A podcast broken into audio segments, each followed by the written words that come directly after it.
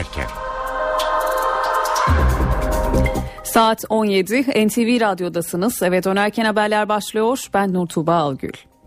Temel eğitimden orta öğretime geçiş yani TEOK sistemiyle yaklaşık 1 milyon 300 bin öğrencinin hangi liseye yerleştiği belli oldu. Sonuç belli oldu ancak soru çok. Yerleşemeyen öğrenciler ne olacak? Özel okula kayıt yaptıranların durumu ne olacak? Uzmanların ve Milli Eğitim Bakanlığı yetkililerinin uyarılarına yer vereceğiz.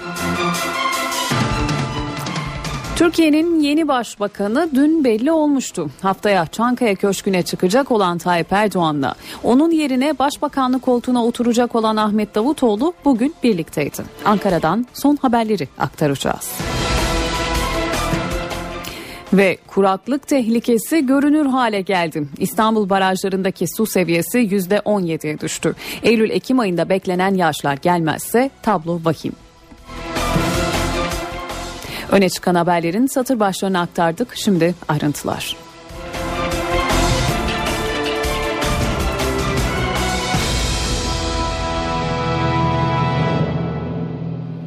Cumhurbaşkanı seçilen Tayyip Erdoğan yerine geçecek ismi dün açıkladı. Ahmet Davutoğlu. Çarşamba günü AK Parti'de olağanüstü kongre toplanarak Davutoğlu genel başkan seçilecek. Erdoğan da son kez katılacağı kongrede AK Partililere veda edecek ve ertesi gün Çankaya Köşkü'nde düzenlenecek törenle Abdullah Gül'den Cumhurbaşkanlığını devralacak. Bugün bu iki isim Erdoğan ve Davutoğlu birlikteydi. Peki gündemde ne var? NTV muhabiri Murat Barış Koralp Ankara'dan bugünkü notlarını aktarıyor. Halef Selef Başbakanlar Recep Tayyip Erdoğan ve Ahmet Davutoğlu Cuma namazını birlikte Hacı Bayram Camii'nde kıldılar. Çıkışta da aynı makam arabasıyla ayrıldılar camiden. Başbakan Erdoğan'ın AK Parti'nin yeni genel başkanı ve başbakan olarak Ahmet Davutoğlu'nun ismini duyurmasının ardından gece AK Parti Genel Merkezi'nde baş başa yemek yiyen Erdoğan ve Davutoğlu yeni güne de birlikte başladı. Aslında Başbakan Erdoğan evinden yanında Milli Eğitim Bakanı Nabi Avcı ile birlikte çıktı. Rotasını Hacı Bayram Camii'ne çevirdi. Erdoğan camide Davutoğlu ve kabineden pek çok bakanla buluştu. Birlikte kıldı cuma namazını. AK Parti kurmaylı ikilinin ilk cuma namazını Hacı Bayram Camii'nde kılmasının simgesel önemine dikkat çekti. Atatürk'te meclisin açıldığı gün kurmaylarıyla ilk cuma namazını orada kılmıştı. Zaten Ahmet Davutoğlu sabah namazı içinde yine aynı adresteydi. Namaz bitti ama yaklaşık bir saat çıkamadı Erdoğan ve Davutoğlu. Cemaatin tebriklerini kabul etti. İki isim daha sonra da birlikte başbakanlık resmi konusuna geçti. Edinilen bilgilere göre Erdoğan ve Davutoğlu yeni dönemi dahası muhtemel kabineyi konuşuyor. Recep Tayyip Erdoğan'ın Cumhurbaşkanı sıfatıyla yapacağı ilk yurt dışı seyahatleri de bu arada belli oldu. Erdoğan 1 Eylül'de Kuzey Kıbrıs Türk Cumhuriyeti'ne, 3 Eylül'de ise Azerbaycan'a günübirlik bir ziyaret gerçekleştirecek. Azerbaycan'dan aynı gün ayrılacak olan Erdoğan bu kez de NATO zirvesi için Galler'e gidecek. Eylül ayı yurt dışı programı bir hayli yoğun Erdoğan'ın. Ay sonunda 21 Eylül'de ise Birleşmiş Milletler Genel Kurulu'na katılmak için Amerika Birleşik Devletleri'ne New York'a gidecek. Murat Barış Kurak, NTV Radyo Ankara. AK Parti Genel Başkan Danışmanı ve Ankara Milletvekili Yalçın Akdoğan, Cumhurbaşkanı Gül'ün AK Parti cenahından kendisine saygısızlık yapıldığı sisteminden AK Parti'de ismi etrafında süren tartışmalara bugün NTV yayınında cevap verdi. Ben 45 yaşındayım. Yani ne çoluk çocuğum ne de yeni yetmeyim. Hem e, çok artık yani keşke olabilsem genç kategorisine de çok girmiyorum. Birçok kişiden belki daha fazla 12 yıldır birçok sürecin içerisinde bulunan bir insanım. Bu yüzden bu tür yakıştırmaları ben üzerime almıyorum. Başbakanlık Başdanışmanı ve AK Parti Ankara Milletvekili Yalçın Akdoğan son dönemde ismi üzerinde süren tartışmalara böyle yanıt verdi. Ben partinin ve Cumhurbaşkanı seçilen Tayyip Erdoğan'ın görüşlerini savunuyorum dedi. Bunlar dönüp dolaşıp bir şekilde bana delege ediliyor maalesef. Ben kendi kendime bir şey söylemem partimizin ilgili kurulları hangi politikayı geliştirirse, hangi duruşu geliştirirse ben bunları elbette AK Partili bir kişi olarak, bir konuşan olarak, bir sözcü olarak bunları dile getirmek durumundayım. Ben bunları dile getirdiğimde elbette işte başkasını eleştiremeyenler dönüp beni eleştirebiliyorlar. Ve Cumhurbaşkanı Abdullah Gül'ün saygısızlık sistemi. Ben yani prensip olarak Cumhurbaşkanlığı makamını eleştiri konusu yapmak, polemiklerin içine e, çekmek vesaire bunları doğru bulmayan bir insan. Önemli misyonlar yüklenmiş AK Parti içerisinde bir insandır. Ve bundan sonraki süreçte de e, ben e, Sayın Gül'ün e, varlığını önemsiyorum. Akdoğan AK Parti'de Ahmet Davutoğlu dönemini de değerlendirdi. Davutoğlu'nun çalışkan bir isim olduğunu, Cumhurbaşkanı ile uyumlu çalışacağını söyledi. En önemli özelliği de yani atom karınca gibi çok çalışkandır. Gece gündüz çalışır.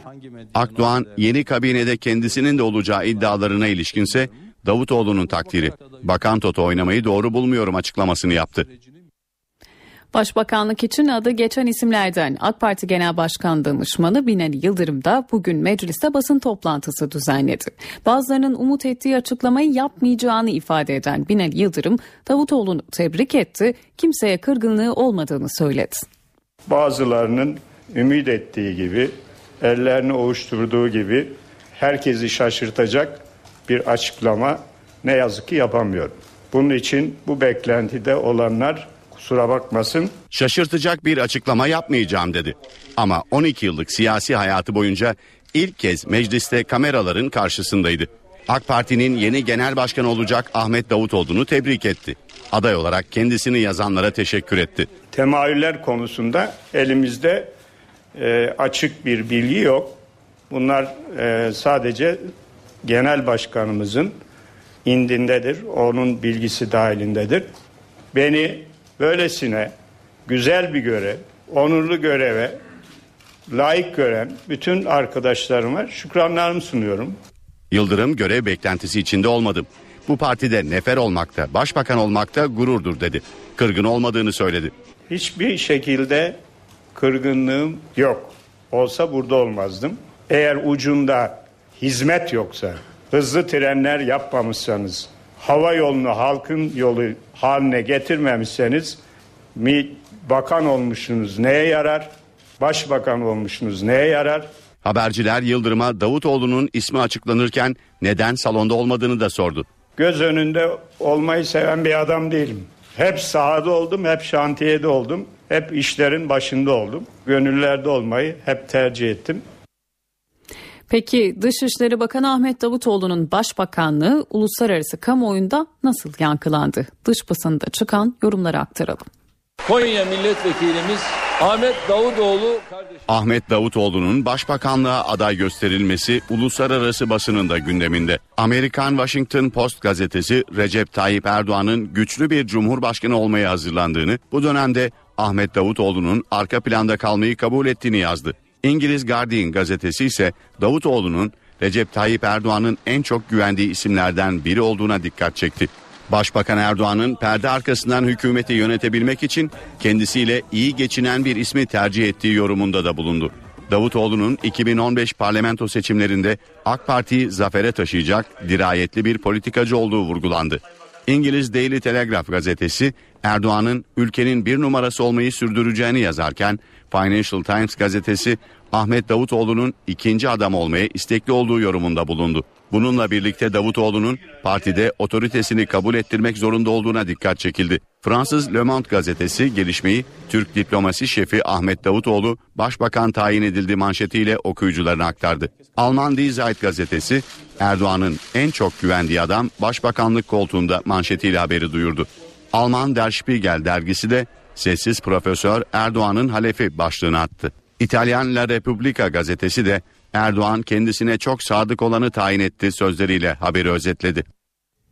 Ana muhalefet partisi CHP'de de kurultay yarışı sürüyor. Genel başkanlığa aday olan Muharrem İnce seçim bölgesi Yalova'da konuştu. Kılıçdaroğlu'nun genel başkanlığa gelirken verdiği sözleri tutmadığını iddia etti. 2010 yılındaki Kemal abi olsa ben bugün bu toplantıyı yapmıyor olurdum dedi. Türkiye'ye demokrasi getireceğim diyenler önce kendi partisine demokrasi getirmişse getirmezse inandırıcı olamaz. Ben 2010'daki Kemal abi olsa, 2010'daki Sayın Genel Başkan olsa bugün bu toplantıyı yapmıyor olurdu.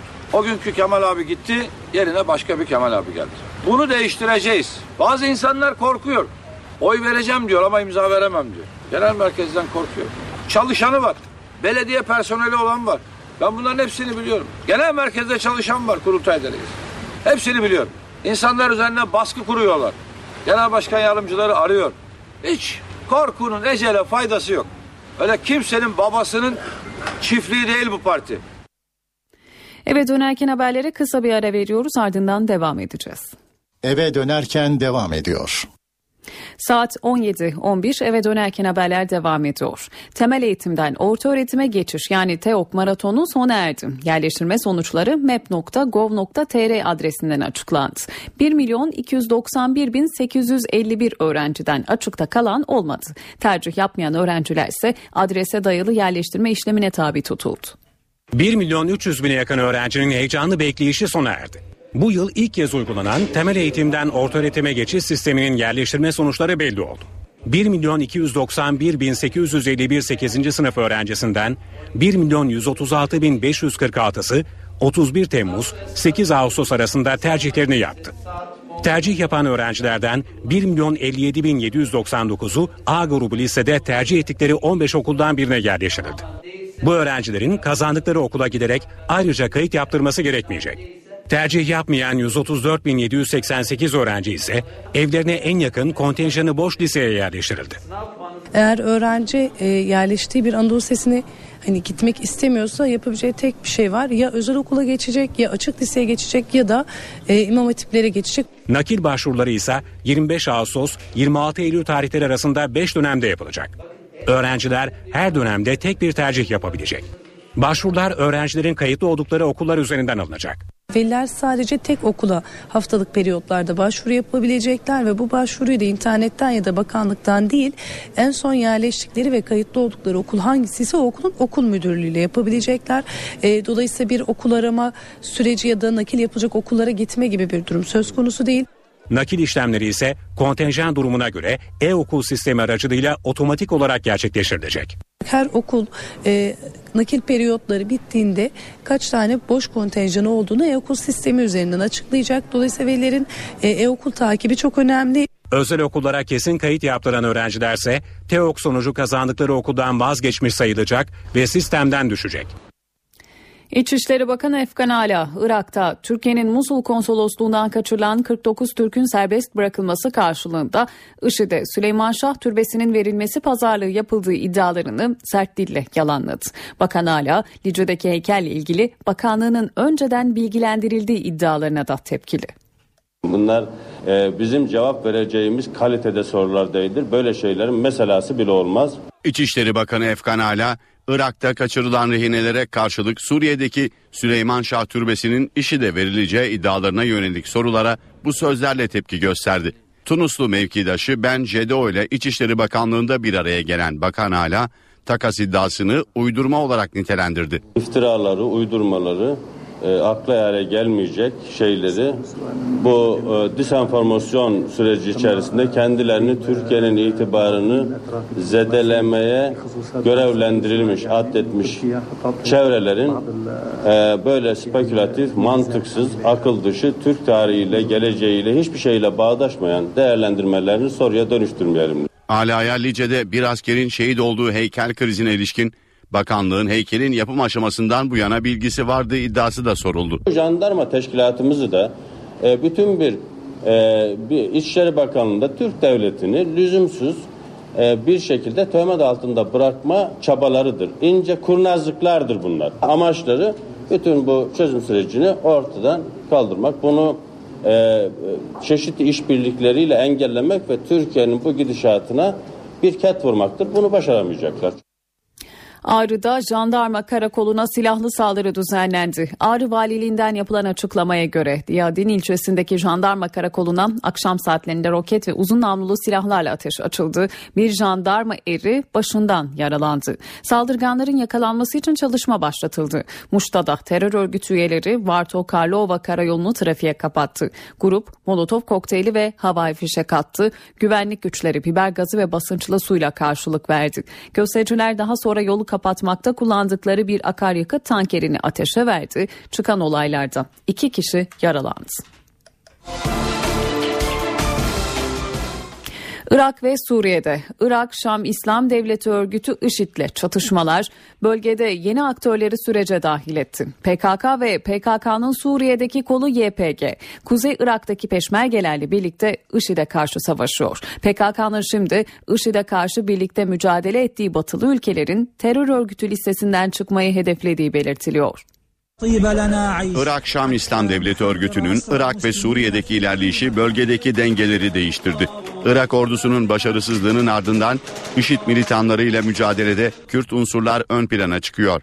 Ancak Peşmerge de Irak ordusunun gelişmiş silahlarını devralan IŞİD'le baş etmekte zorlanıyor. Radikal militanların Kürtlerin kontrolündeki bazı bölgeleri ele geçirmesi üzerine Amerika Birleşik Devletleri hava saldırılarıyla IŞİD'le mücadelede aktif rol almaya başladı. Karada ise öne çıkan PKK ve PKK'nın Suriye'deki kolu YPG oldu. Daha önce Peşmerge ile görüş ayrılıkları yaşayan bu gruplar IŞİD'e karşı Peşmerge'nin yanında yer aldı. PKK'nın Mahmur ve çevresinde Peşmerge ile birlikte nöbet tuttuğu belirtiliyor. Kerkük ve Calavla'da da PKK militanları var. PKK ve YPG'nin gerilla taktikleriyle IŞİD'le mücadelede etkin olduğu ifade ediliyor. Bu yeni durum karşısında batılı devletlerin IŞİD'e karşı savaşan PKK'ya yönelik tutumunu yeniden gözden geçirebileceği öne sürülüyor. Türkiye'deki çözüm süreciyle de birlikte PKK'nın Avrupa ve ABD'nin terör örgütü listesinden çıkmasının gündeme gelebileceği dile getiriliyor. Ancak böyle bir adımın Türkiye'nin onayı olmadan gerçekleşmesinin güç olduğuna da dikkat çekiliyor. Batılı istihbarat birimleri Amerikalı gazeteciyi öldüren IŞİD militanını yakalamak için insan avı başlattı. Batılı ülkeler IŞİD'in elindeki 20 kadar rehinenin nasıl kurtarılacağını da tartışıyor. An American citizen of your country. ABD ve İngiliz istihbaratı Amerikalı gazeteci James Foley'i öldüren IŞİD militanının peşine düştü. İngiliz olduğu belirlenen IŞİD militanının yakalanması için başlatılan uluslararası insan avının başını Amerikan Federal Soruşturma Bürosu FBI çekiyor. İngiltere'de de istihbarat ve güvenlik birimlerinin verileri, terörle mücadele biriminin kayıtları ve sosyal medyadaki ipuçları inceleniyor. İngiliz kamuoyuna da yardımcı olmaları çağrısı yapıldı. Londra veya Güneydoğu İngiltere'den olduğu sanılan IŞİD militanının kimliğinin belirlenmesinin an meselesi olduğu ancak adalet önüne çıkarılmasının güç olabileceği belirtiliyor. 2012'de Suriye'ye kaçırılan 40 yaşındaki James Foley'i öldürerek dünyayı dehşete düşüren IŞİD'in elinde halen 20 kadar batılı rehinenin daha olduğu sanılıyor. İngilizlerle Amerikalıların da aralarında olduğu bu rehineler Suriye ve Irak'ta kaçırılan gazeteciler ve yardım görevlileri. Foley'in öldürülmesinin ardından diğer batılı rehinelerle ilgili belirsizlik de artmış durumda. IŞİD, James Foley'i serbest bırakmak için 132,5 milyon dolar ödenmesi ve ABD cezaevlerindeki bazı mahkumların serbest bırakılmasını istemişti. IŞİD, Amerikan hükümetinin bu taleplere karşılık vermemesi üzerine ABD'nin Irak'taki IŞİD'e yönelik hava saldırılarına misilleme olarak Amerikalı gazetecinin öldürüldüğünü duyurmuştu. Amerikan Savunma Bakanlığı Pentagon, IŞİD'in El-Kaide'den bile daha büyük bir tehdit oluşturduğunu kayda geçirdi. Ancak Amerikalı askeri yetkililere göre örgütü durdurmak için Suriye'deki hedeflerini vurmak şart. IŞİD batılı ülkeler için El-Kaide'den daha büyük bir tehdit oluşturuyor. Uyarı Washington'dan geldi. Amerika Birleşik Devletleri'nin Savunma Bakanı Chuck Hagel ve Genelkurmay Başkanı Martin Dempsey Pentagon'da kameraların karşısına geçti. Amerikalı gazeteci James Foley'nin öldürülmesinin ardından düzenlenen basın toplantısında IŞİD diğer terör örgütlerine benzemiyor denildi. IŞİD terörist bir grubun ötesinde ideolojiyi stratejik ve askeri taktiklerle buluşturan bir grup. IŞİD ayrıca büyük bir bütçeye sahip. Daha önce gördüğümüz hiçbir örgüte benzemiyor. Bu yüzden her ihtimale hazırlıklı olmalıyız. Dempsey ise ABD ordusunun hedefinde IŞİD'in Kuzey Irak'taki ilerleyişini durdurmaktan daha fazlası olduğunun sinyalini verdi. Amerikalı general Suriye'deki IŞİD hedeflerini yok etmeden örgütü yenmenin mümkün olmayacağını belirtti. Savunma Bakanı Hagel da IŞİD tehdidi karşısında tüm seçeneklerin masada olduğunu vurguladı. ABD jetlerinin Suriye'nin kuzeyini vurabilmesi için ABD Başkanı Barack Obama'nın orduya yetki vermesi gerekiyor. ABD ordusu iki haftada Irak'ın kuzeyinde yaklaşık 90 hava saldırısı düzenledi. Peşmerge güçlerinin de karadan destek verdiği operasyonla IŞİD'in kontrolüne geçen Musul Barajı ve bazı kasabalar geri alındı. Hatay'da 3 Suriyeli kiraladıkları evde kurşunlanarak öldürülmüş olarak bulundu. Antakya'nın Meydan Mahallesi'nde 3 Suriyeliden birkaç gündür haber alamayan ev sahibi yedek anahtarla kapıyı açınca 3 cesetle karşılaştı. İkisi kadın 3 Suriyelinin kurşunlanarak öldürüldüğü belirlendi ve geniş çaplı soruşturma başlatıldı. NTV Radyo Kumburgaz'da Pazar günü deniz bisikletiyle açılan ve kaybolan 5 genci karadan, havadan ve deniz altından arama çalışmaları sürüyor. Bu gece yarısı çalışmalara aralarında Türkiye'nin ilk 3 boyutlu sismik gemisi Barbaros Hayrettin Paşa'nın da bulunduğu 3 petrol arama ve sondaj gemisi de katılacak. Ayrıca Yalova, Erdek ve Bursa'dan da arama yapılıyor. Ancak henüz herhangi bir ipucuna rastlanmadı. Yetkililer tüm ihbarların değerlendirildiğini söylüyor. Sonbahar yaklaşırken kuraklık tehlikesi devam ediyor. İstanbul barajlarındaki su seviyesi %17'ye düştü. Eylül-Ekim ayında beklenen yağışlar olmazsa tablo vahim. Van'ın Erçek Gölü ve Kocaeli Sapanca Gölü de alarm veriyor. Barajlardaki son durum ve NTV Meteoroloji Editörü Gökhan Abur'un yorumlarını dinliyoruz. İstanbul barajlarındaki doluluk oranı her gün azalıyor. Geçen yıl %65 civarında olan doluluk oranı %17'ye kadar geriledi. Ömerli Barajı'nın su seviyesindeki düşüş gözle görülür hale gelmiş durumda. Şu ansa su seviyesi neredeyse dipte. Beren'den su buraya pompalanmamış olsaydı şu anda burası tamamen kurumuş olacaktı. Tek umudumuz Ekim ayında gelmesini beklediğimiz o alçak basınçlar ve buna bağlı cephe sistemlerinin taşıyacağı sürekli yağışlar olacak. O yağışlar gelirse o zaman kurtulacağız demektir. Kuraklık yurtta da hissediliyor. Örneğin binlerce flamingonun göç yolundaki durağı olan Van'ın Erçek Gölü. Doğa harikası göl kuraklıktan nasibini almış durumda. Gitgide göl çekilmeye başlıyor. Çekilmenin sürdüğü bir başka yerse Kocaeli'deki Sapanca Gölü. Şu an çok kirli, bataklık olmuş. Çekilmeyle ortaya çıkan tarihi adacıksa definecilerin hedefi haline geldi. Gittik orada baktığımızda yani böyle 10 metre falan böyle uzunluğunda ya 3-4 metre eninde insan eli değdiği belli kesilmiş büyük taşlarla. Kendimiz görmedik de ama karıştırıldığı belli. Anıtlar Kurulu yetkilileri Orta Çağ öncesine ait olduğu sanılan kalıntıların bulunduğu adacıkta inceleme yaptı. Para ve sermaye piyasalarındaki işlemlere bakalım şimdi. Borsa İstanbul şu sıralardan 78.847 seviyesinde seyrediyor. Serbest piyasada dolar 2.17, euro 2.88'den işlem görüyor. Kapalı çarşıda ise Cumhuriyet altını 603, çeyrek altın 146,5 liradan satılıyor. Eve dönerken haberleri kısa bir ara veriyoruz. Ardından yayınımız Köşe Bucak programıyla devam edecek. Saatler 18'i gösterdiğinde gündemde öne çıkan gelişmeleri aktarmaya devam edeceğiz. Eve dönerken devam ediyor. Saat 18 eve dönerken haberler sürüyor. Gündemdeki satır başlarını hatırlayalım.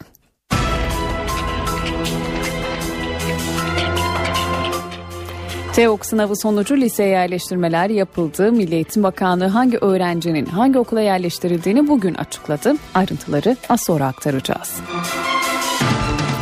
Washington IŞİD'le mücadele için şimdi Suriye'ye de operasyon düzenlemeyi konuşuyor. Türkiye ise çatışmalardan kaçan 1 milyondan fazla Suriyeli sığınmacı sorununu çözmeye çalışıyor. Ankara'da üst düzey yetkililerin katıldığı toplantıdan sonucu alacağız.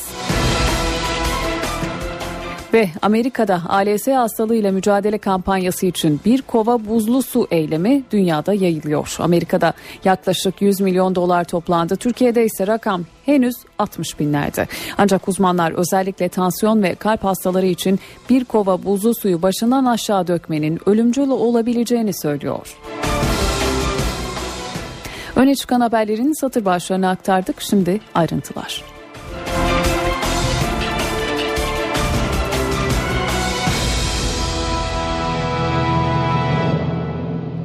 Temel eğitimden orta öğretime geçiş yani TEOK maratonu sona erdi. Yerleştirme sonuçları map.gov.tr adresinden açıklandı.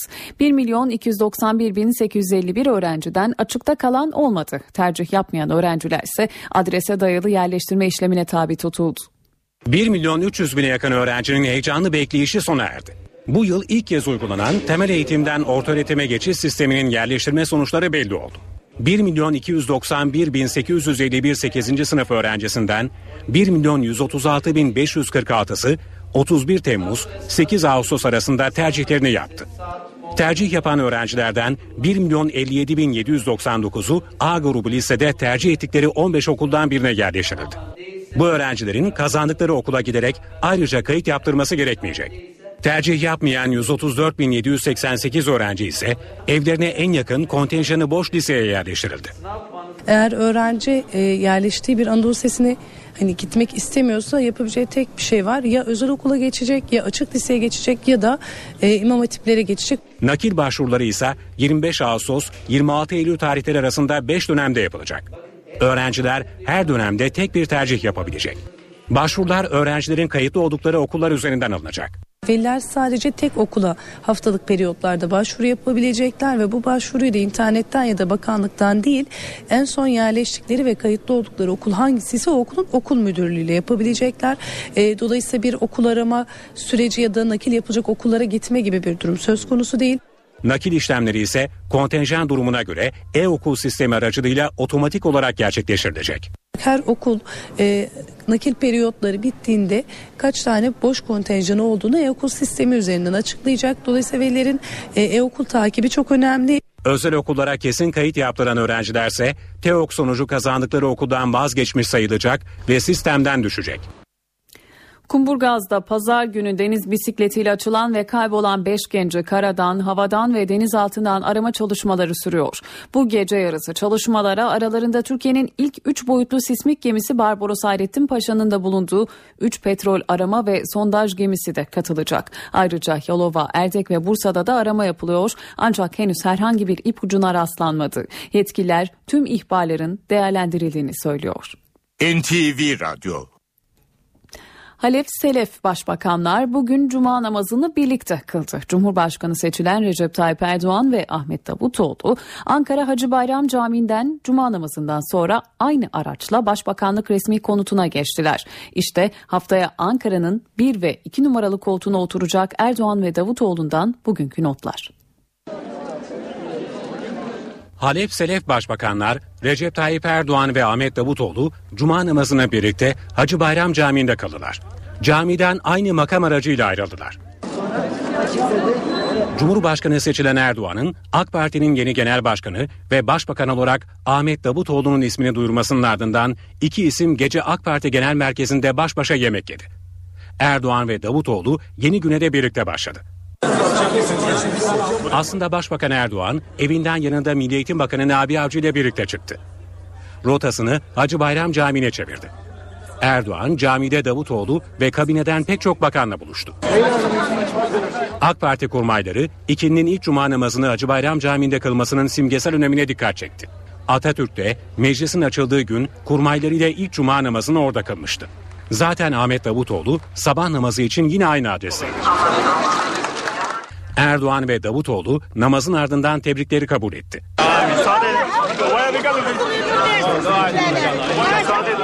İki isim daha sonra birlikte Başbakanlık resmi konutuna geçti.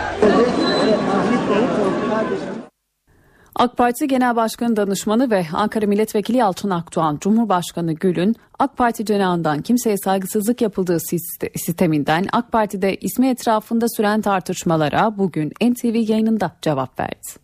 Ben 45 yaşındayım. Yani ne çoluk çocuğum ne de yeni yetmeyim. Hem e, çok artık yani keşke olabilsem genç kategorisine de çok girmiyorum.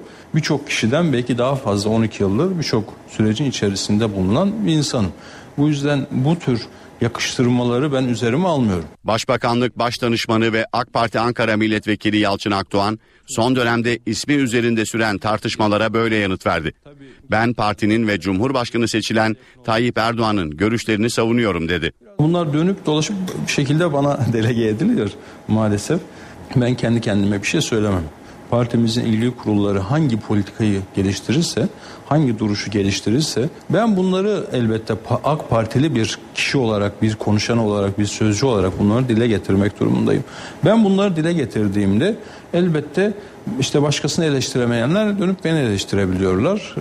Ve Cumhurbaşkanı Abdullah Gül'ün saygısızlık sistemi. Ben yani prensip olarak Cumhurbaşkanlığı makamını eleştiri konusu yapmak, polemiklerin içine çekmek vesaire bunları doğru bulmayan bir insan. Önemli misyonlar yüklenmiş AK Parti içerisinde bir insandır. Ve bundan sonraki süreçte de e, ben e, Sayın Gül'ün varlığını önemsiyorum. Akdoğan AK Parti'de Ahmet Davutoğlu dönemini de değerlendirdi. Davutoğlu'nun çalışkan bir isim olduğunu, Cumhurbaşkanı ile uyumlu çalışacağını söyledi. En önemli özelliği de yani atom karınca gibi çok çalışkandır. Gece gündüz çalışır. Akdoğan yeni kabinede kendisinin de olacağı iddialarına ilişkinse Davutoğlu'nun takdiri. Bakan Toto oynamayı doğru bulmuyorum açıklamasını yaptı. Başbakanlık için adı geçen isimlerden AK Parti Genel Başkan Danışmanı Binali Yıldırım da bugün mecliste basın toplantısı düzenledi. Bazılarının umut ettiği açıklama yapmayacağını ifade eden Binali Yıldırım Davutoğlu'nu tebrik etti. Kimseye kırgınlığı olmadığını söyledi. Bazılarının ümit ettiği gibi, ellerini ovuşturduğu gibi herkesi şaşırtacak bir açıklama ne yazık ki yapamıyorum. Bunun için bu beklentide olanlar kusura bakmasın. Şaşırtacak bir açıklama yapmayacağım dedi. Ama 12 yıllık siyasi hayatı boyunca ilk kez mecliste kameraların karşısındaydı. AK Parti'nin yeni genel başkanı olacak Ahmet Davutoğlu'nu tebrik etti. Aday olarak kendisini yazanlara teşekkür etti. Temayüller konusunda elimizde e, açık bir bilgi yok.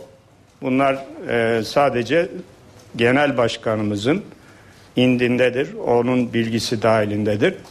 Beni böylesine güzel bir görev, onurlu göreve layık gören bütün arkadaşlarıma şükranlarımı sunuyorum. Yıldırım görev beklentisi içinde olmadım. Bu partide nefer olmakta, başbakan olmakta gururdur dedi. Kırgın olmadığını söyledi. Hiçbir şekilde kırgınlığım yok. Olsa burada olmazdım. Eğer ucunda hizmet yoksa, hızlı trenler yapmamışsanız, hava yolunu halkın yolu haline getirmemişseniz mi bakan olmuşsunuz neye yarar? Başbakan olmuşsunuz neye yarar?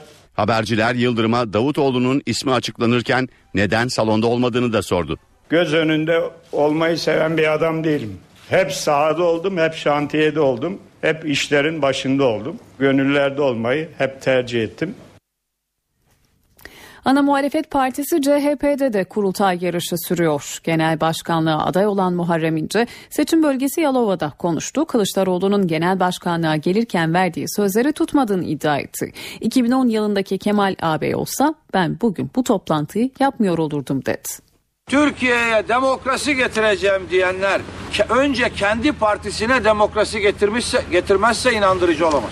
Ben 2010'daki Kemal abi olsa, 2010'daki Sayın Genel Başkan olsa bugün bu toplantıyı yapmıyor olurdu.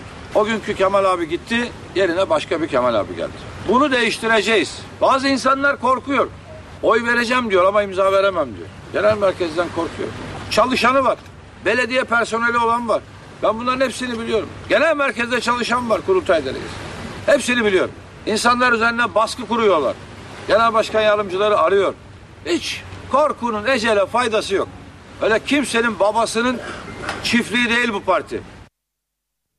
Eve dönerken haberleri şimdi kısa bir ara veriyoruz ardından devam edeceğiz. Eve dönerken devam ediyor. Saat 18.14 eve dönerken haberler devam ediyor.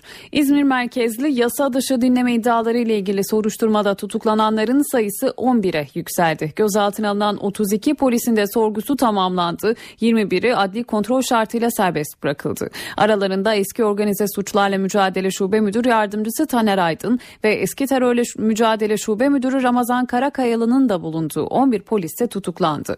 Daha önce tutuklanan polisler arasında da Batman'ın eski Emniyet Müdürü Hasan Ali Okan'la eski Emniyet Müdürü Yardımcısı Memduh Tosun bulunuyordu. Şüpheliler suç işlemek amacıyla örgüt kurma, resmi görevi kötüye kullanma ve özel hayatın gizliliğini ihlal etmekle suçlanıyor.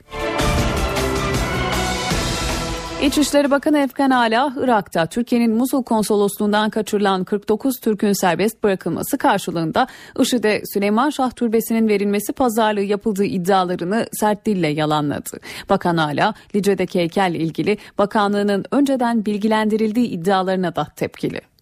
Bunlar e, bizim cevap vereceğimiz kalitede sorular değildir. Böyle şeylerin meselası bile olmaz. İçişleri Bakanı Efkan Ala, Irak'ta kaçırılan rehinelere karşılık Suriye'deki Süleyman Şah Türbesi'nin işi de verileceği iddialarına yönelik sorulara bu sözlerle tepki gösterdi. Tunuslu mevkidaşı Ben Cedo ile İçişleri Bakanlığı'nda bir araya gelen Bakan Ala, takas iddiasını uydurma olarak nitelendirdi. İftiraları, uydurmaları e, akla yere gelmeyecek şeyleri bu e, disenformasyon süreci içerisinde kendilerini Türkiye'nin itibarını zedelemeye görevlendirilmiş, addetmiş çevrelerin e, böyle spekülatif, mantıksız, akıl dışı Türk tarihiyle, geleceğiyle hiçbir şeyle bağdaşmayan değerlendirmelerini soruya dönüştürmeyelim. Alaya Lice'de bir askerin şehit olduğu heykel krizine ilişkin bakanlığın heykelin yapım aşamasından bu yana bilgisi vardı iddiası da soruldu. Jandarma teşkilatımızı da e, bütün bir, e, bir İçişleri Bakanlığı'nda Türk devletini lüzumsuz e, bir şekilde töhmet altında bırakma çabalarıdır. İnce kurnazlıklardır bunlar. Amaçları bütün bu çözüm sürecini ortadan kaldırmak. Bunu e, çeşitli işbirlikleriyle engellemek ve Türkiye'nin bu gidişatına bir ket vurmaktır. Bunu başaramayacaklar. Diyarbakır Lice'de PKK'lı Mahsum Korkmaz heykelinin kaldırılmasını protesto sırasında bir kişi patlama sonucu ağır yaralandı.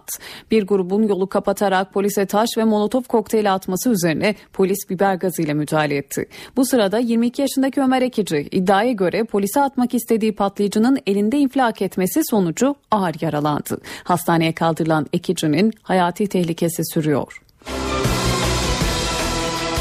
Heykel protestosu nedeniyle Muş ve Siirt'te de olaylar çıktı. Muş'ta yol kesen bir grup 3 aracı yaktı. Güvenlik güçleri havai fişek ve taşla saldıran gruba tazikli su ve biber gazıyla müdahale etti. Çıkan olaylarda iki kişi yaralandı. Molotof kokteyli atan AK Parti ilçe binasında da yangın çıktı. Siirt'te de maskeli 6 kişi bir ilkokulun bahçesindeki Türk bayrağını indirdi. Atatürk büstünü yerinden söktü. İndirilen bayrak tekrar göndere çekildi.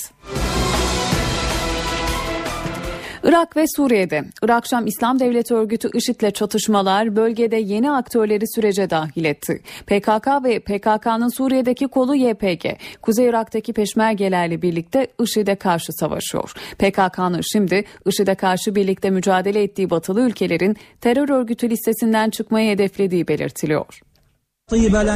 Irak Şam İslam Devleti Örgütü'nün Irak ve Suriye'deki ilerleyişi bölgedeki dengeleri değiştirdi.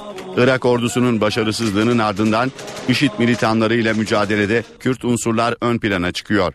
Ancak Peşmerge de Irak ordusunun gelişmiş silahlarını devralan IŞİD'le baş etmekte zorlanıyor. Radikal militanların Kürtlerin kontrolündeki bazı bölgeleri ele geçirmesi üzerine Amerika Birleşik Devletleri hava saldırılarıyla IŞİD'le mücadelede aktif rol almaya başladı. Karada ise öne çıkan PKK ve PKK'nın Suriye'deki kolu YPG oldu. Daha önce Peşmerge ile görüş ayrılıkları yaşayan bu gruplar IŞİD'e karşı Peşmerge'nin yanında yer aldı. PKK'nın Mahmur ve çevresinde Peşmerge ile birlikte nöbet tuttuğu belirtiliyor. Kerkük ve Calavla'da da PKK militanları var. PKK ve YPG'nin gerilla taktikleriyle IŞİD'le mücadelede etkin olduğu ifade ediliyor. Bu yeni durum karşısında batılı devletlerin IŞİD'e karşı savaşan PKK'ya yönelik tutumunu yeniden gözden geçirebileceği öne sürülüyor. Türkiye'deki çözüm süreciyle de birlikte PKK'nın Avrupa ve ABD'nin terör örgütü listesinden çıkmasının gündeme gelebileceği dile getiriliyor. Ancak böyle bir adımın Türkiye'nin onayı olmadan gerçekleşmesinin güç olduğuna da dikkat çekiliyor. Batılı istihbarat birimleri Amerikalı gazeteciyi öldüren IŞİD militanını yakalamak için insan avı başlattı. Batılı ülkeler IŞİD'in elindeki 20 kadar rehinenin nasıl kurtarılacağını da tartışıyor. An American citizen of your country ABD ve İngiliz istihbaratı Amerikalı gazeteci James Foley'i öldüren IŞİD militanının peşine düştü. İngiliz olduğu belirlenen IŞİD militanının yakalanması için başlatılan uluslararası insan avının başını Amerikan Federal Soruşturma Bürosu FBI çekiyor. İngiltere'de de istihbarat ve güvenlik birimlerinin verileri, terörle mücadele biriminin kayıtları ve sosyal medyadaki ipuçları inceleniyor. İngiliz kamuoyuna da yardımcı olmaları çağrısı yapıldı. Londra veya Güneydoğu İngiltere'den olduğu sanılan IŞİD militanının kimliğinin belirlenmesinin an meselesi olduğu ancak adalet önüne çıkarılmasının güç olabileceği belirtiliyor. 2012'de Suriye'ye kaçırılan 40 yaşındaki James Foley'i öldürerek dünyayı dehşete düşüren IŞİD'in elinde halen 20 kadar batılı rehinenin daha olduğu sanılıyor. İngilizlerle Amerikalıların da aralarında olduğu bu rehineler Suriye ve Irak'ta kaçırılan gazeteciler ve yardım görevlileri. Foley'in öldürülmesinin ardından diğer batılı rehinelerle ilgili belirsizlik de artmış durumda. IŞİD, James Foley'i serbest bırakmak için 132,5 milyon dolar ödenmesi ve ABD cezaevlerindeki bazı mahkumların serbest bırakılmasını istemişti. IŞİD, Amerikan hükümetinin bu taleplere karşılık vermemesi üzerine ABD'nin Irak'taki IŞİD'e yönelik hava saldırılarına misilleme olarak Amerikalı gazetecinin öldürüldüğünü duyurmuştu. Amerikan Savunma Bakanlığı Pentagon, IŞİD'in El-Kaide'den bile daha büyük bir tehdit oluşturduğunu kayda geçti. Ancak Amerikalı askeri yetkililere göre örgütü durdurmak için Suriye'deki hedeflerini vurmak şart. IŞİD, batılı ülkeler için El-Kaide'den daha büyük bir tehdit oluşturuyor. Uyarı Washington'dan geldi. Amerika Birleşik Devletleri'nin Savunma Bakanı Chuck Hagel ve Genelkurmay Başkanı Martin Dempsey Pentagon'da kameraların karşısına geçti. Amerikalı gazeteci James Foley'nin öldürülmesinin ardından düzenlenen basın toplantısında IŞİD diğer terör örgütlerine benzemiyor denildi. IŞİD terörist bir grubun ötesinde ideolojiyi stratejik ve askeri taktiklerle buluşturan bir grup. IŞİD ayrıca büyük bir bütçeye sahip. Daha önce gördüğümüz hiçbir örgüte benzemiyor. Bu yüzden her ihtimale hazırlıklı olmalıyız. Dempsey ise ABD ordusunun hedefinde IŞİD'in Kuzey Irak'taki ilerleyişini durdurmaktan daha fazlası olduğunun sinyalini verdi. Amerikalı general Suriye'deki IŞİD hedeflerini yok etmeden örgütü yenmenin mümkün olmayacağını belirtti. Savunma Bakanı Hagel da IŞİD tehdidi karşısında tüm seçeneklerin masada olduğunu vurguladı. ABD jetlerinin Suriye'nin kuzeyini vurabilmesi için ABD Başkanı Barack Obama'nın orduya yetki vermesi gerekiyor. ABD ordusu iki haftada Irak'ın kuzeyinde yaklaşık 90 hava saldırısı düzenledi. Peşmerge güçlerinin de karadan destek verdiği operasyonla IŞİD'in kontrolüne geçen Musul Barajı ve bazı kasabalar geri alındı. Irak'ta bugün yine kanlı bir gün oldu. Şii milislerin bir Sünni camisine düzenlediği saldırıda en az 30 kişi hayatını kaybetti. Diyala kentinde camiye giren Şii milisler rastgele ateş açtı. Çok sayıda yaralı olduğu, ölü sayısının artabileceği belirtiliyor.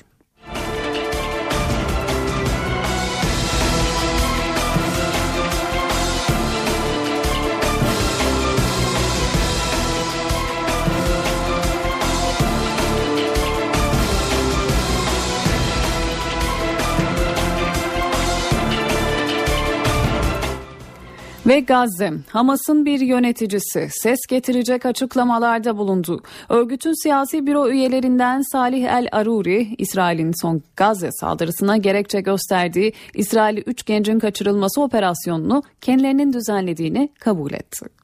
İstanbul'da konuşan Hamas yöneticisinden itiraf gibi bir açıklama geldi. Örgütün siyasi büro üyelerinden Salih El Aruri, Dünya Müslüman Alimler Birliği'nin İstanbul'da bir otelde düzenlediği toplantıda konuştu. Aruri, 12 Haziran'da kaçırılmalarının ardından ölü bulunan 3 İsrailli genci İzzettin El Kassam Tugaylarının tutukladığını söyledi. Kassam Tugayları kahramanca bir operasyona imza attı. El Halil'de 3 İsrailli yerleşimciyi tutukladılar. Bu operasyonla ilgili çok spekülasyon yapıldı. Bazıları işgalcilerin komplosu olduğunu söyledi. Hayır, bu eylem Kassam Tugaylarındaki kardeşlerimizin İsrail hapishanelerinde açık grevi yapan kardeşlerine destek için düzenledikleri bir operasyondu. El Halil kentinde kaçırılan ikisi 16, biri 19 yaşındaki 3 İsrailli genç 18 gün sonra ölü bulunmuştu. Hamas, İsrail'in suçlamalarına rağmen şimdiye kadar olayla bir ilgisi olmadığını ileri sürüyordu. İsrail gençlerin öldürülmesini halen süren ve 2000'den fazla Filistin'in ölümüne neden olan saldırılarına gerekçe olarak göstermişti.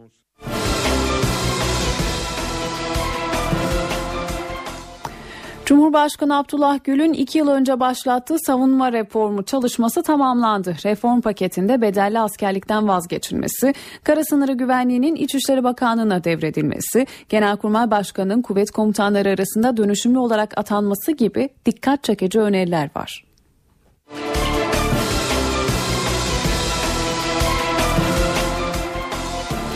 İstanbul Atatürk Havalimanı'nda bir kez daha Ebola alarmı verildi. Nijerya'dan gelen yolculardan birinin ateşi yükselince yolcu önce uçakta özel bir bölmeye alındı.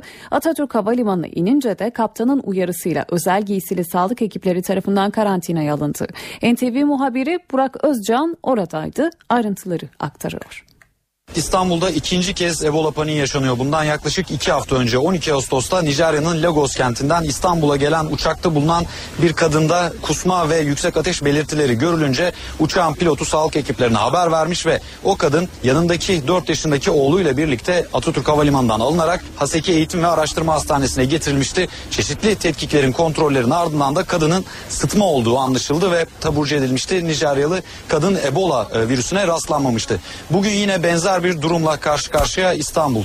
Yine Nijerya'dan İstanbul'a gelen uçakta bulunan 23 yaşındaki genç bir İtalyan kadında yüksek ateş belirtileri görüldü. Uça, e, uçağın pilotu bunun üzerine yine sağlık ekiplerine haber verdi ama bu kadın uçağa binmeden önce zaten sıtma rahatsızlığı olduğu, sıtma hastası olduğu biliniyordu. Nijerya'da daha önce rahatsızlanmıştı. Yüksek ateş görülünce hastaneye gitmiş ve kendisine sıtma teşhisi konulmuştu. Uçağa binerken de yanında sıtma ilaçları vardı. Ancak bir kez daha uçakta ateşlenince dediğimiz gibi uçağın pilotu sağlık ekiplerine haber verdi ve bu 23 yaşındaki İtalyan kadın da yine buraya Haseki Eğitim ve Araştırma Hastanesi'nin enfeksiyon kliniğine getirildi ve şu an burada karantina odasında müşahede altında yine tetkikler, kontroller yapılacak.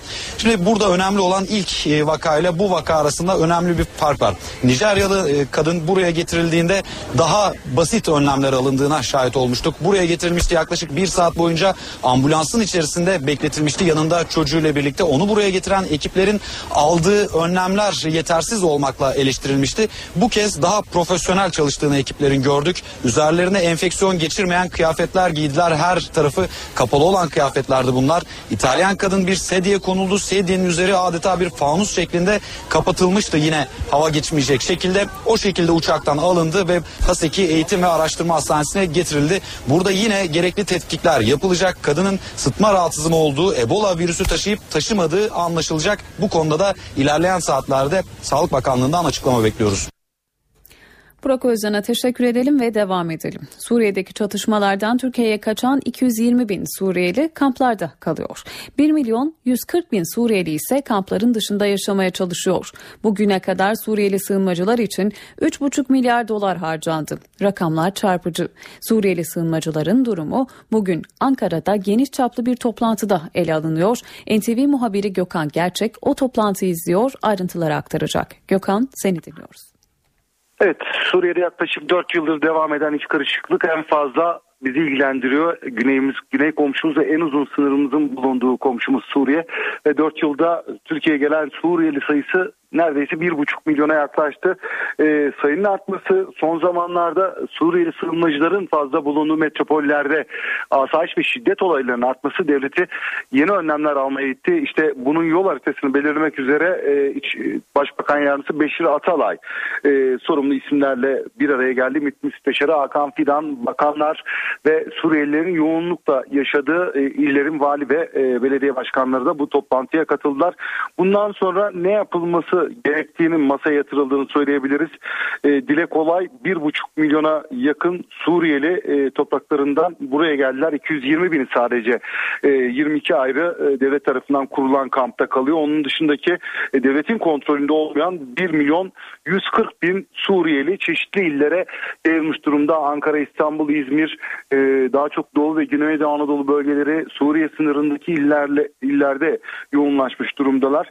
İşte Beşir Atalay bununla ilgili e, toplantı öncesi bir açıklamada bulundu. Özellikle son dönemde yaşanan şiddet ve asayiş olaylarına vurgu yaptı. Onları hatırlattı Beşir Atalay. E, Suriyelilerin geldiği illerde ekonomik ve sosyal dokudaki değişiklik sebebiyle bu tür olaylar yaşandığını söyledi. Adli olaylar ayrımcı bir bakış açısını büyütmekte dedi. E, ancak şiddet olayları çok fazla büyümeden önlenmektedir. E, millet iyi bir ev sahipliği yapmıştır değerlendirmesine bulundu. Şunu da söyledi. E, Türkiye'nin açık kapı politikası devam edecektir. Yani Suriye'de zor durumda kalan Suriyelileri Türkiye kabul etmeye devam edecektir değerlendirmesine bulundu. 2011 e, yılından bu yana Türkiye'ye girişler devam ediyor Suriye'den. Peki ne kadar e, para harcandı o günden bu yana? Sadece bu yıl 2014 yılında 1.6 milyar dolar harcandığını söyledi Suriyeli için e, Beşir Atalay. E, dünyada en fazla insani yardım yapan şu anda 3. ülkeyiz. 3 yılda harcanan para ise 3.5 milyar doları geçti değerlendirmesinde bulundu. E, sivil toplum örgütlerinden 635 milyon dolar, yurt dışından uluslararası kuruluşlardan ise 233 milyon dolar desteğin geldiğini söyledi. Sadece bununla sınırlı değil tabii e, çok sayıda Suriyeli Türkiye'ye giriş çıkış yaptı. Bir Suriyeli e, bir, birkaç kez tedavi oluyor hastanelerde. Tabii onların bakımları da devlet tarafından ücretsiz karşılanıyor. Bu sayı ise 5 milyon 400 bin evet bugüne kadar e, Suriye'deki krizden bu yana e, hastanelerimizde tedavi edilen Suriyeli sayısının 5 milyon 400 binde aştığını söyledi e, Beşir Atalay. E, bu açıklamadan sonra toplantı basına kapatıldı. Tabii bakanlar sunum yapacak. Bundan sonraki yol haritası belirlenecek. Özellikle e, kamplar dışında kalan Suriyeliler yani metropollerde zor durumlarda yaşayan Suriyeliler için neler yapacak bir yol haritası belirlenecek ve önümüzdeki günlerde kamuoyuyla, kamuoyuyla paylaşılacak diyelim ve sözü tekrar size bırakalım. Gökhan Gerçek'e teşekkür edelim ve devam edelim. Saatlerimiz 18.31'i gösteriyor. Eve dönerken haberler sürüyor. Gündemdeki satır başlarını hatırlayalım. TEOK sınavı sonucu lise yerleştirmeler yapıldı. Milli Eğitim Bakanlığı hangi öğrencinin hangi okula yerleştirildiğini bugün açıkladı. Verilen bilgiye göre tüm öğrenciler bir liseye yerleşti, açıkta kalan olmadı. AK Parti Genel Başkanı Danışmanı ve Ankara Milletvekili Yalçın Akdoğan, Cumhurbaşkanı Gül'ün AK Parti cenahından kimseye saygısızlık yapıldığı sisteminden AK Parti'de isim etrafında süren tartışmalara bugün NTV yayınında cevap verdi. Ne çocuğum ne yeni yetmeyim bu yakıştırmaları üzerime almıyorum dedi. Başbakanlık için adı geçen isimlerden AK Parti Genel Başkan Danışmanı Binali Yıldırım basın toplantısı düzenledi. Bazılarının umut ettiği açıklamaları yapmayacağını ifade eden Binali Yıldırım Davutoğlu'nu tebrik etti, kimseye kırgınlığı olmadığını söyledi. İzmir merkezli yasa dışı dinleme iddiaları ile ilgili soruşturmada tutuklananların sayısı 11'e yükseldi. Gözaltına alınan 32 polisten 21'i ise adli kontrol şartıyla serbest bırakıldı.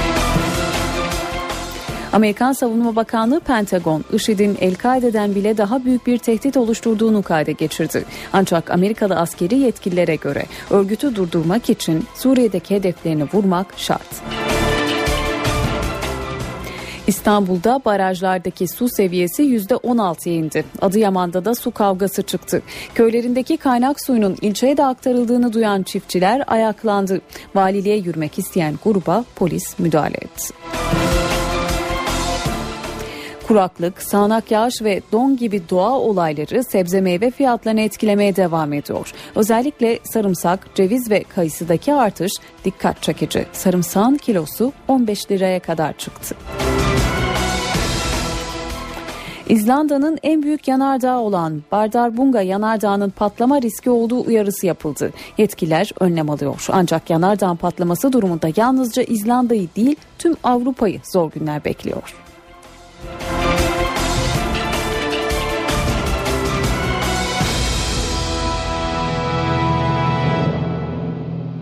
Özetleri aktarırken de paylaşmıştık. Sonbahar yaklaşırken kuraklık tehlikesi devam ediyor. İstanbul barajlarındaki su seviyesi %17'ye düştü. Eylül-Ekim ayında beklenen yağışlar olmazsa tablo vahim. Türkiye'nin önemli iki gölü Erçek ve Sapanca'da da kuraklığın etkileri gözle görülür halde. İki gölde de su hızla çekilmeye devam ediyor. Sapanca'da kuraklıkla ortaya çıkan adacıktaki tarihi kalıntılarsa defineciler tarafından tahrip edildi. Barajlarda durumu NTV Meteoroloji Editörü Gök Gökhan Abur'la konuştuk. İstanbul barajlarındaki doluluk oranı her gün azalıyor.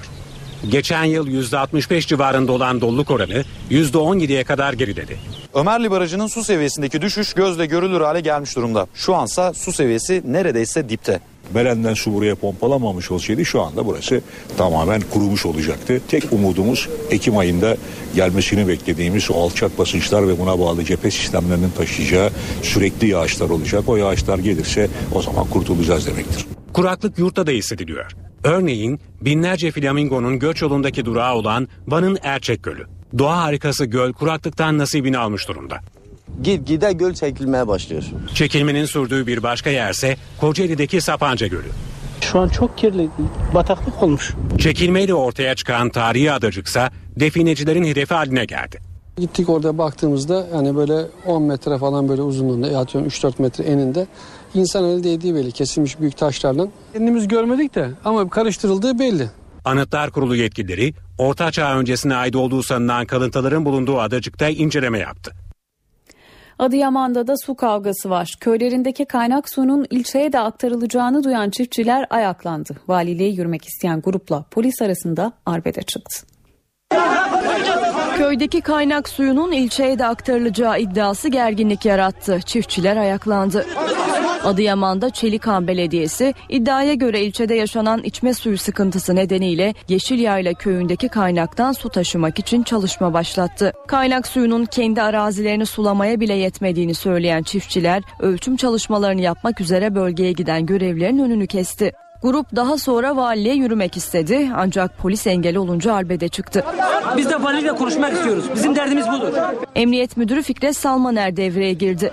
Ben diyorum ki alıp götüreyim ben sizi vali bey. Arkadaşlar burada beklesin. Beş kişinin Vali Mahmut Demirtaş'la görüşmesine izin verildi. Valinin projeyi askıya alacağını söylemesi üzerine çiftçiler köylerine döndü. Anadolu yakasının tarihi mirası Valide Bağ korusu otopark inşaatı nedeniyle tehlikedeydi. Çevre gönüllüleri ve mahalle halkının tepkileri üzerine Üsküdar Belediye Başkanı Hilmi Türkmen iyi haberi verdi. Belediye Başkanı Türkmen birinci derece sit alanı olan Valide Bağ korusuna bir metreküp dahi beton dökülmeyeceğini, mevcut ağaçların korunacağını hatta yeni ağaçlar dikileceğini açıkladı. Evet dönerken haberlere şimdi kısa bir ara veriyoruz ardından devam edeceğiz. Eve dönerken devam ediyor. Saat 18.41 eve dönerken haberler devam ediyor. Kuraklık, sağanak yağış ve don gibi doğa olayları sebze meyve fiyatlarını etkilemeye devam ediyor. Özellikle sarımsak, ceviz ve kayısıdaki artış dikkat çekici. Sarımsağın kilosu 15 liraya kadar çıktı. Çarşı pazarda fiyatlar hareketli. Esnafa göre fiyatlarda hem kuraklık hem de aşırı yağış etkili oluyor. Fiyat artışından en çok etkilenen ürün sarımsak. Kilosu geçen senenin iki katı. Geçen sene bu aralar sarımsağın kilosu 4 lira 3 liraydı halde. Şimdi şu anda 7 lira 7,5 lira kilosu yerinde. Pazarda ne kadar? Pazarda 10 lira 15 lira arası değişiyor.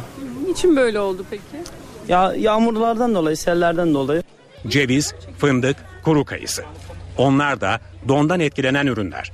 Kabuğu ceviz 25 lira yeni mahsul. Eski mahsul e, 20 lira. Yeni mahsul iç ceviz de 50 lira şu anda fiyatı. Nereden geliyor? Ceviz, ceviz şu anda e, Şili'den geliyor. Kuzey Amerika, Şili'den geliyor. Fındık da fiyat artıyor don olayından sonra. Yani şu andaki fiyatlarımız 30 ama 35-40'a doğru gidiyor fiyatlar. Pazardaki fiyat artışı vatandaşa yansıyor. Son derece pahalı. Geliyorum ha şurada 4 çeşit şey aldım 40 lira verdim gidiyorum. Biraz e, pahalı geldi.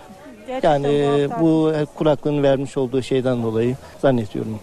Limon ve kıvırcık da fiyatı yükselen ürünler arasında. Kıvırcık pazarda kaça gidiyor mesela? Valla şu anda iki buçuk üçe satıyoruz biz tanesi. Yani geçen hafta bir bir buçuktu. Yani o kadar yüzde yüz arttı yani. Eski limon zaten 1 lira tane olmuş. Kilo zaten 8-10 lira arası değişiyor. Süper Loto çekilişinde bu hafta da altı bilen çıkmayınca 13 milyon liralık ikramiye haftaya devretti. 7 kez devreden Süper Loto'da dün akşam yapılan çekilişte şanslı numaralar 12, 13, 25, 45, 49 ve 52 oldu. Haftaya yapılacak çekilişte ikramiye tutarının 16 milyon lirayı aşması bekleniyor. Bütçesi ve çalışan sayısıyla pek çok ülkeyi hem ekonomik büyüklük hem de nüfus açısından geride bırakan devlet büyüklüğünde şirketler var. Amerikalı Walmart şirketin çalışanları Letonya, Slovenya ve Katar gibi ülkelerin nüfusundan fazla. Walmart dünyanın en fazla çalışan sayısına sahip şirket. ABD'li perakende devi dünya çapında 2 milyon 200 bin kişiyi istihdam ediyor. Şirket çalışan sayısıyla 50 ülkenin nüfusunu da geride bırakıyor. Şirketin çalışan sayısı Türkiye'deki toplam kayıtlı işsiz sayısına da yakın. TÜİK verilerine göre Türkiye'de işsiz sayısı 2,5 milyon. Bu sayı göz önüne alınırsa Walmart neredeyse Türkiye'deki işsizlerin tamamını da istihdam edebilecek durumda.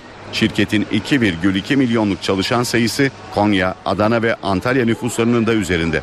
En fazla çalışan sayısına sahip firmalar listesinin ikinci sırasında ise 618 bin kişiyle İngiliz güvenlik hizmetleri şirketi G4S bulunuyor. Hollandalı insan kaynakları şirketi Randstad Holding'de 595 bin kişilik çalışan sayısıyla 3. sırada yer alıyor. 4. sırada 555 bin çalışanıyla Volkswagen yer alırken 5. sıradaki PetroChina'nın da 544 bin çalışanı bulunuyor. Rusya Türkiye'den tavuktan sonra süt ve süt ürünleri de ihraç edecek. Rusya'nın sesi internet sitesi Rusya Tarım Ürünleri Denetleme Kurumu'nun Türkiye'den 3 şirkete süt ve süt ürünleri için ihracat izni vereceğini duyurdu. Rusya yaptırımlar öncesinde Türkiye'den süt ve süt ürünü, işlenmemiş tavuk eti ve yumurta almıyordu.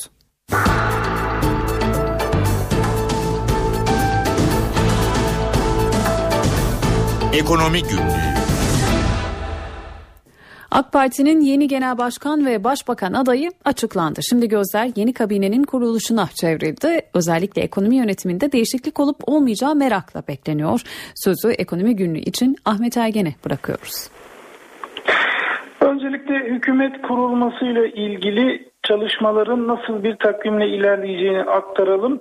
62. hükümetin e, mevzuat e, gereği e, olan e, dilimler tam olarak kullanılırsa en geç 11 Eylül'de iş başında olacağını aktaralım, ifade edelim. Nereden kaynaklanıyor bu? Anayasa gereği e, Dışişleri Bakanı Ahmet Davutoğlu hükümeti kurma görevini aldığında 7 gün içinde kabine üyelerini belirleyecek. Ancak bu 7 günlük sürenin tam olarak kullanılmayacağını e, şimdiden öngörebiliriz. Çünkü hem hükümet programının yazımına hem de hem de yeni kabineyle ilgili çalışmalara şimdiden başlandığı yönünde bilgiler Ankara kulislerinde e, yüksek sesle net olarak konuşuluyor. Yeni kabine çerçevesinde konuşulanlar açısından baktığımızda en çok merak edilen ya da üstünde en çok konuşulan e, başlıklardan biri yeni ekonomi yönetimi bu noktada da özellikle Başbakan Yardımcısı Ali Babacan'ın bu görevine devam edip etmeyeceği. Aslında bu baş, e, tartışma bu başlıkta son gelişmeler nedeniyle e, devam ettiriliyordu. Hatırlanacağı gibi Ziraat Bankası'nın bazı uygulamalarıyla ilgili e, gelişmeler konusundaki yapılan açıklamalar bu tartışmayı gündeme geçirmiş. Basında da oldukça yer bulmuştu. Başbakan Yardımcısı Ali Babacan'ın görevine devam edip etmeyeceği. Bizim edindiğimiz bilgilere göre Başbakan Yardımcısı Babacan, Başbakan ve e, Cumhurbaşkanı seçilen e, Recep Tayyip Erdoğan'la önceki gün bir görüşme yaptı ve bu görüşme sonrasında Babacan'ın e, görevine e, devam edeceği yönünde bir tablo oluştu. Şu an itibariyle ekonomi yönetiminin nasıl şekilleneceğine yönelik Ankara'da e, konuşulan başlıklardan önemli noktalardan biri bu.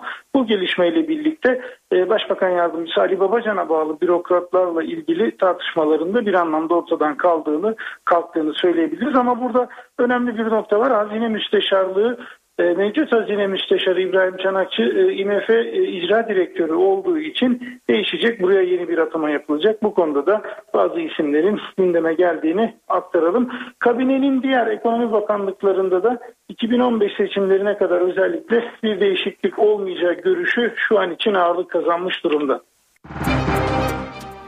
Para ve sermaye piyasalarındaki işlemlere bakalım. Borsa İstanbul 78.938 930 seviyesinde günü tamamladı. Serbest piyasada dolar 2.17 euro 2.88 liradan işlem gördü.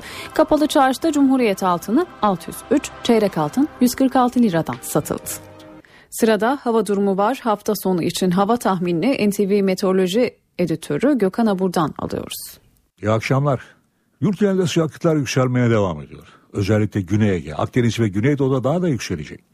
Hafta sonu yüksek, önümüzdeki hafta ise Trakya'dan başlayan sıcaklıklar yeniden azalacak. Yarın Doğu Karadeniz'de Rize, Artvin, Doğu'da ise Erzurum, Kars, Ardahan arasında yerel yağışlar görülecek. Gün içinde Ağrı, Iğdır, Van, Hakkari civarında yerel yağışlar bekliyoruz. Ayrıca Kırklareli'nde de kısa süreli yağışlar görülebilir. Pazar günü doğudaki yağışlar aralıklarla devam ederken Trakya yeni bir yağışlı havanın etkisine girecek. Pazartesi günü havanın serinlemesiyle Marmara'da yağışın başlamasını bekliyoruz. İstanbul'da yarın hava açık. Sıcaklık ise 32 derece. Pazar günü hava daha bulutlu olacak. Ankara'da yarın hava güneşli. Sıcaklık ise gündüz 32, gece 17 derece olacak. İzmir'de hafta sonu hava bunaltıcı. Rüzgar oldukça zayıf. Sıcaklık ise gölgede 36 dereceye kadar çıkacak. Hepinize iyi bir hafta sonu diliyorum. Hoşçakalın. İzlanda'nın en büyük yanardağı olan Bardarbunga yanardağının patlama riski olduğu uyarısı yapıldı. Yetkililer önlem alıyor. Ancak yanardağın patlaması durumu da yalnızca İzlanda'yı değil tüm Avrupa'yı zor günler bekliyor. İzlanda'da yanardağ alarmı verildi. Avrupa'da hayatı felce uğratan Eyjaf Yalla Jökull yanardağının patlamasından 4 yıl sonra ülke yeniden teyakkuza geçti. Bu kez tehdit oluşturan İzlanda'nın en büyük yanardağı Bardarbunga. Yanardağ'da 16 Ağustos'tan bu yana binlerce deprem meydana geldi. Yer kabuğundaki bu hareketlilik üzerine yetkililer önlem alıyor. Afet ekipleri ve polis şu an bölgede ve durumu değerlendiriyor. Bir patlama söz konusu olursa hazırlıklıyız. Çoğu turist yaklaşık 300 kişi bölgeden tahliye edildi. Aslında kratere gidecektik ancak planlarımızı değiştirmek durumunda kaldık. Bardarbunga yanardağının faaliyete geçmesi halinde çevredeki buzulların eriyerek sel felaketine neden olmasından korkuluyor. Olası bir patlama Avrupa'nın hava trafiği açısından kaygı uyandırıyor. 2010 senesinde Eyjaf Yalla Yokul yanardağının patlaması üzerine Avrupa hava sahası 6 gün kapanmış 100 binden fazla uçuş iptal edilmişti. Amerika'da başlayıp hızla dünyaya yayılan bir kova buzlu su eylemi Türkiye'de de ilgi görüyor. Ancak dikkat uzmanlara göre özellikle tansiyon ve kalp hastaları için bir kova buzlu suyu başlarından aşağı dökmek çok tehlikeli olabilir. Baştan aşağı aniden dökülen bir kova buzlu su.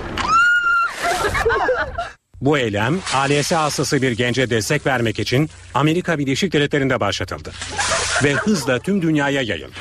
Ancak doktorlar uyarıyor. Ani dökülen buzlu su insan sağlığına zarar verebiliyor. Epilepsisi olan, e, beyin ameliyatı geçirmiş kişilerin, tansiyon yüksekliği olanların, kalp hastalığı olanların, böbrek hastalığı olanların bu tür bir e, işleme zaten kesinlikle girişmesini önermiyoruz. Peki buzlu su vücudu nasıl etkiliyor? Vücut bundan bir şok etkisi alarak etkilenir ve kalpte önce ritim bozukluğu arkasından da asistoli dediğimiz kalp durması gibi bir tabloya yol açabilir. O kovayı döktükten sonra bir anda baygınlık geçirip ondan sonra morarıp ondan sonra e, ölüm tablosu ortaya çıkabiliyor. Uzmanlar ani şokun sadece kalp ve tansiyon gibi kronik hastalarda değil, sağlıklı bireylerde de önemli sorunlara yol açabileceğini vurguluyor. Günün kültür sanat etkinliklerinden derlediklerimiz var sırada. İstanbul'da bu akşam Kenan Doğulu konseri var. Kenan Doğulu Harbiye Cemil Topuzlu açık hava sahnesinde sevenleriyle saat 22'de buluşuyor. Caz müzisyenlerinin buluştuğu Denizde Caz Festivali kapsamında bu akşam Ayşe Gencer ve İmer Demirer sahne alıyor. İstanbul Boğazı sularına açılacak olan The Prime Time gemisinde gerçekleşecek etkinlik saat 21.15'te. Tiyatro severler için İstanbul'da Sami Berat Marçalı'nın kolektif tiyatro projesi Yarının oyunlarının üçüncü kısmı olan Adalet adlı oyunu ikinci kat Karaköy'de sahneleniyor. Kura ile belirlenmiş başlıklardan oluşan oyun perdesini saat 20.30'da açıyor. İstanbul'da bir de sergi önerimiz var. Violent AVM'de Leonardo da Vinci'den Van Gogh'a kadar birçok ünlü ressamın eserleri 3 boyutlu olarak deneyimleniyor. Sergi 12 Eylül'e kadar ziyaret edilebilir. Kocaeli'de bu akşam rock grubu Pilli Bebek Anadolu kahvesinde olacak. Grup konserine saat 21'de başlayacak. İzmirli dinleyicilerimiz bu akşam Yaşar konserine gidebilirler. Hayal Kahvesi Çeşme Marina'da gerçekleşecek konser saat 22'de başlıyor. Mersin'de bu akşam Hayal Kahvesi sahnesinde Levent Yüksel olacak.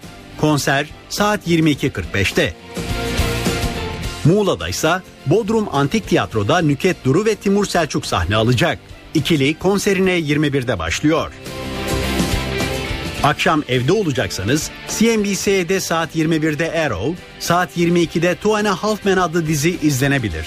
Star TV'de ise saat 20'de Kaçak Gelinler adlı dizi, saat 22.45'te Kolombiyalı İntikam Meleği adlı yabancı film ekranda olacak. Eve dönerken haberleri şimdi kısa bir ara veriyoruz. Saat 19'da gelişmeleri aktarmaya devam edeceğiz. Eve dönerken devam ediyor. Saat 19 ben Nur Tuğba Algül eve dönerken haberler devam ediyor. Başbakan Erdoğan, Cumhurbaşkanı seçilmesi nedeniyle kendisini arayıp kutlayan Birleşmiş Milletler Genel Sekreteri Ban'la Gazze'yi görüştü. Erdoğan'ın Gazze'ye yönelik kısıtlamalarının kaldırılması gerektiğini söyledi. Sürdürülebilir bir ateşkesin sağlanması için Türkiye'nin uluslararası camia ile yakın işbirliğine devam edeceğini vurguladığı öğrenildi. Erdoğan'ın ayrıca bana Türkiye olarak Gazze'ye yapılan insani yardım, sahra hastaneleri kurulması ve bölge halkına elektronik sağlamayı hedefleyen projeler hakkında bilgi de verdiği belirtildi. Erdoğan ve Birleşmiş Milletler Genel Sekreterinin Filistin'e yardım amacıyla Norveç liderliğinde bir konferans düzenlemesi konusunda görüş birliğinde olduğu kaydedildi. TEOK sınavı sonucu lise yerleştirmeler yapıldı. Milli Eğitim Bakanlığı hangi öğrencinin hangi okula yerleştirildiğini bugün açıkladı. Verilen bilgiye göre tüm öğrenciler bir liseye yerleşti. Açıkta kalan olmadı. AK Parti Genel Başkanı Danışmanı ve Ankara Milletvekili Yalçın Akdoğan, Cumhurbaşkanı Gül'ün AK Parti cenahından kimseye kendisine saygısızlık yapıldığı sisteminden AK Parti'de ismi etrafında süren tartışmalara bugün NTV yayınında cevap verdi. Ne çocuğum ne yeni yetmeyim bu yakıştırmaları üzerime almıyorum dedi. Başbakanlık için adı geçen isimlerden AK Parti Genel Başkan Danışmanı Binali Yıldırım basın toplantısı düzenledi. Bazılarının umut ettiği açıklamayı yapmayacağını ifade eden Binali Yıldırım, Başbakan olmakta, nefer olmakta onur verici dedi. Davutoğlu'nu tebrik etti. Kimseye kırgınlığı olmadığını söyledi. Diyarbakır'ın Nice ilçesinde PKK'lı Mahsum Korkmaz'ın heykelinin kaldırılmasını protesto eden gruplar Muş'ta yol kesip 3 aracı yaktı. Güvenlik güçleri havai fişek ve taşla saldıran gruba tazikli su ve biber gazıyla müdahale etti. Çıkan olaylarda 2 kişi yaralandı. Molotov kokteyli atan AK Parti ilçe binasına da yangın çıktı. Siirt'te de olaylar vardı. Yüzleri kapalı 6 kişi bir ilkokulun bahçesindeki Türk bayrağını indirdi. Atatürk büstünü yerinden söktü. İndirilen bayrak tekrar göndere çekildi.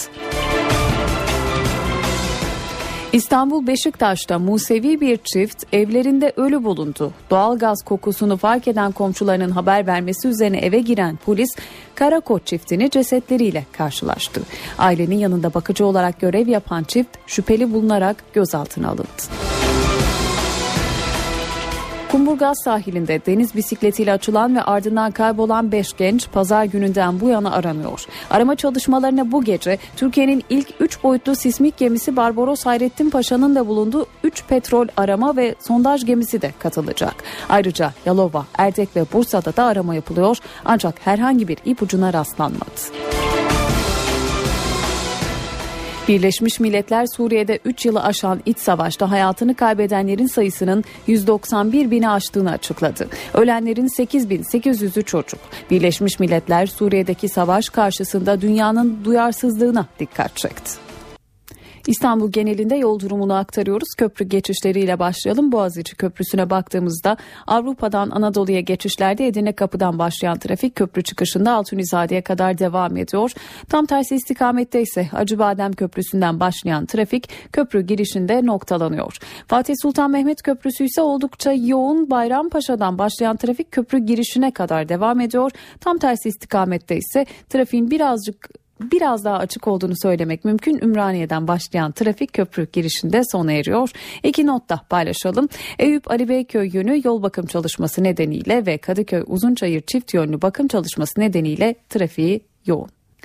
Ve sırada vizyona yeni giren filmler var. Zehn Jahre da drin. Die ändern dich, Marco. Willst du mich verarschen oder was? Oğlum du kriegst dich von der Straße, die Straße nicht aus dir. Bu hafta bir yerli 7 yeni film gösterimde. Yönetmen Umut Dağ, Kuma'dan sonra ikinci uzun metrajlı filmi Betondaki Çatlaklarla karşımıza çıkıyor. Filmde 10 yıl hapis yattıktan sonra özgürlüğüne kavuşan Ersan'la oğlu arasındaki ilişkiyi izliyoruz. Hapisten sonra yeni bir hayata başladığına kimseyi inandıramayan Ersan, bir taraftan da oğlu Mikail'e iyi bir gelecek hazırlamayı düşünmektedir. En büyük hayali müzisyen olmak olan oğluna gerekli parayı bulmak için uyuşturucu satmayı bile göze alır. Kim olduğunu gizleyerek ona yaklaşmaya ve tüm gücüyle onu bataklıktan kurtarmaya çalışır. Filmin başrollerini Muratan Muslu, Alecan Tagayev ve Erdem Türkoğlu paylaşıyor. What happened, man? How did we get so far off track? What are you talking about? We both have good things going on right now. Amerikan yapımı aksiyon komedi Çakma Polisler haftanın bir diğer filmi. What's up? Ryan ve Justin oyuncu olmaya çalışan iki başarısız kafadardır. Bir gün bir maskeli baloya polis kıyafetleriyle giren ikiliyi herkes gerçek polis zanneder. Yaşanan bazı olayların ardından bir nevi kahraman haline gelen Ryan ve Justin bu durumdan çok hoşlanır ve oyunu bir süre daha devam ettirmeye karar verir. Ancak bir noktadan sonra artık üniformalarını sokakta yürüyen insanlara değil, gerçek suçlulara karşı kullanmak zorunda kalırlar. Çakma polislerin yönetmen koltuğunda Luke Greenfield oturuyor. Başrollerde ise Nina Dobrev, Angela Kerets ve Jake Johnson yer alıyor. I leave you with Henry David Thoreau's words. Go confidently in the direction of your dreams. Live the life you have imagined. Fırtınanın içinde izleyiciyi beklenen büyük bir fırtınanın öncesinde gerilime sürüklüyor. Küçük bir kasaba olan Silverton, beklenmedik bir şekilde gelen hortumların etkisinde kalıyor. Büyük zarar gören halkın çoğu kasabayı terk etmeye hazırlanırken bir grup kasaba sakini gelecek büyük hortumu görüntüleyerek tarihi bir an yaşama isteğiyle kasabada kalmaya karar verir. Filmin yönetmenliğini daha önce Final Destination 5'ten tanıdığımız Stephen Quayle yapıyor. Başrolleri ise Sarah Wayne Callis, Richard Armitage ve Jeremy Sumpter paylaşıyor. Just another Saturday night.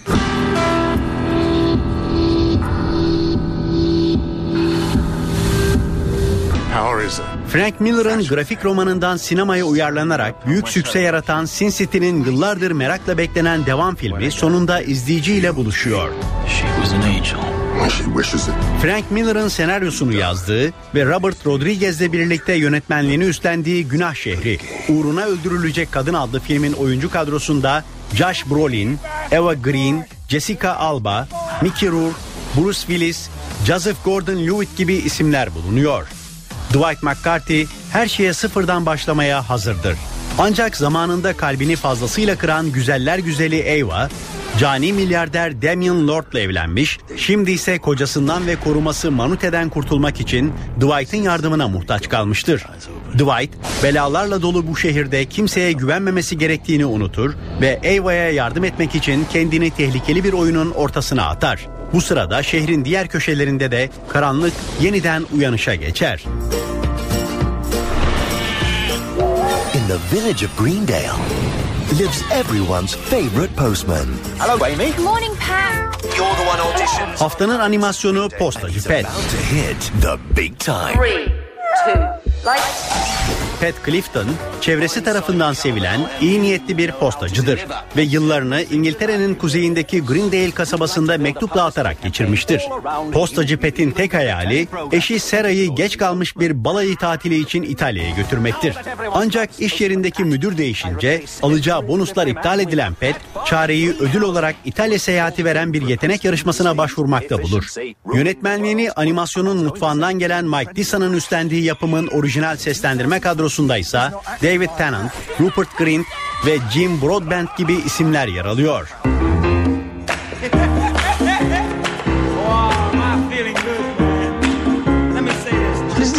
This huh? There's carne asada. Check it out. Sıradaki iki komedi filminden biri Chef. All night cooking. Shut up and taste this, amuse-douche. Carl Casper şık bir restoranda çalışan bir baş aşçıdır. Ancak kariyerinde bazı sıkıntılar yaşamaktadır.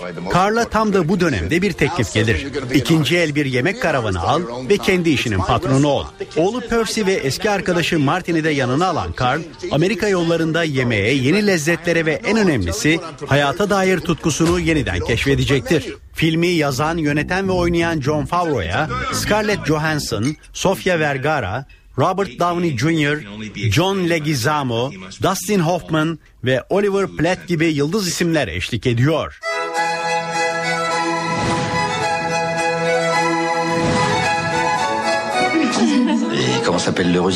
Haftanın diğer komedisi Sürpriz Damatlar. Ling. Rachid Abdul Mohamed. Claude ve Marie Verney, değer ve geleneklerine bağlı yaşayan, çocuklarına da bu yaşam biçimini aşılamaya çalışan Katolik bir ailedir.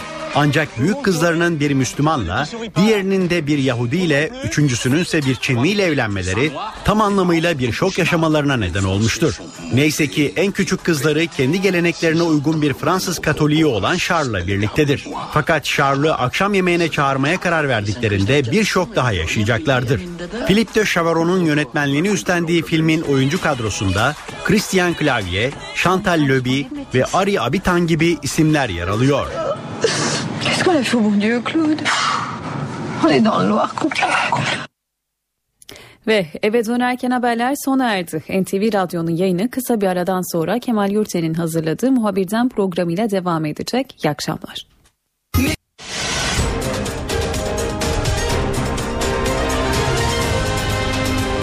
NTV Radyo, Türkiye'nin haber radyosu.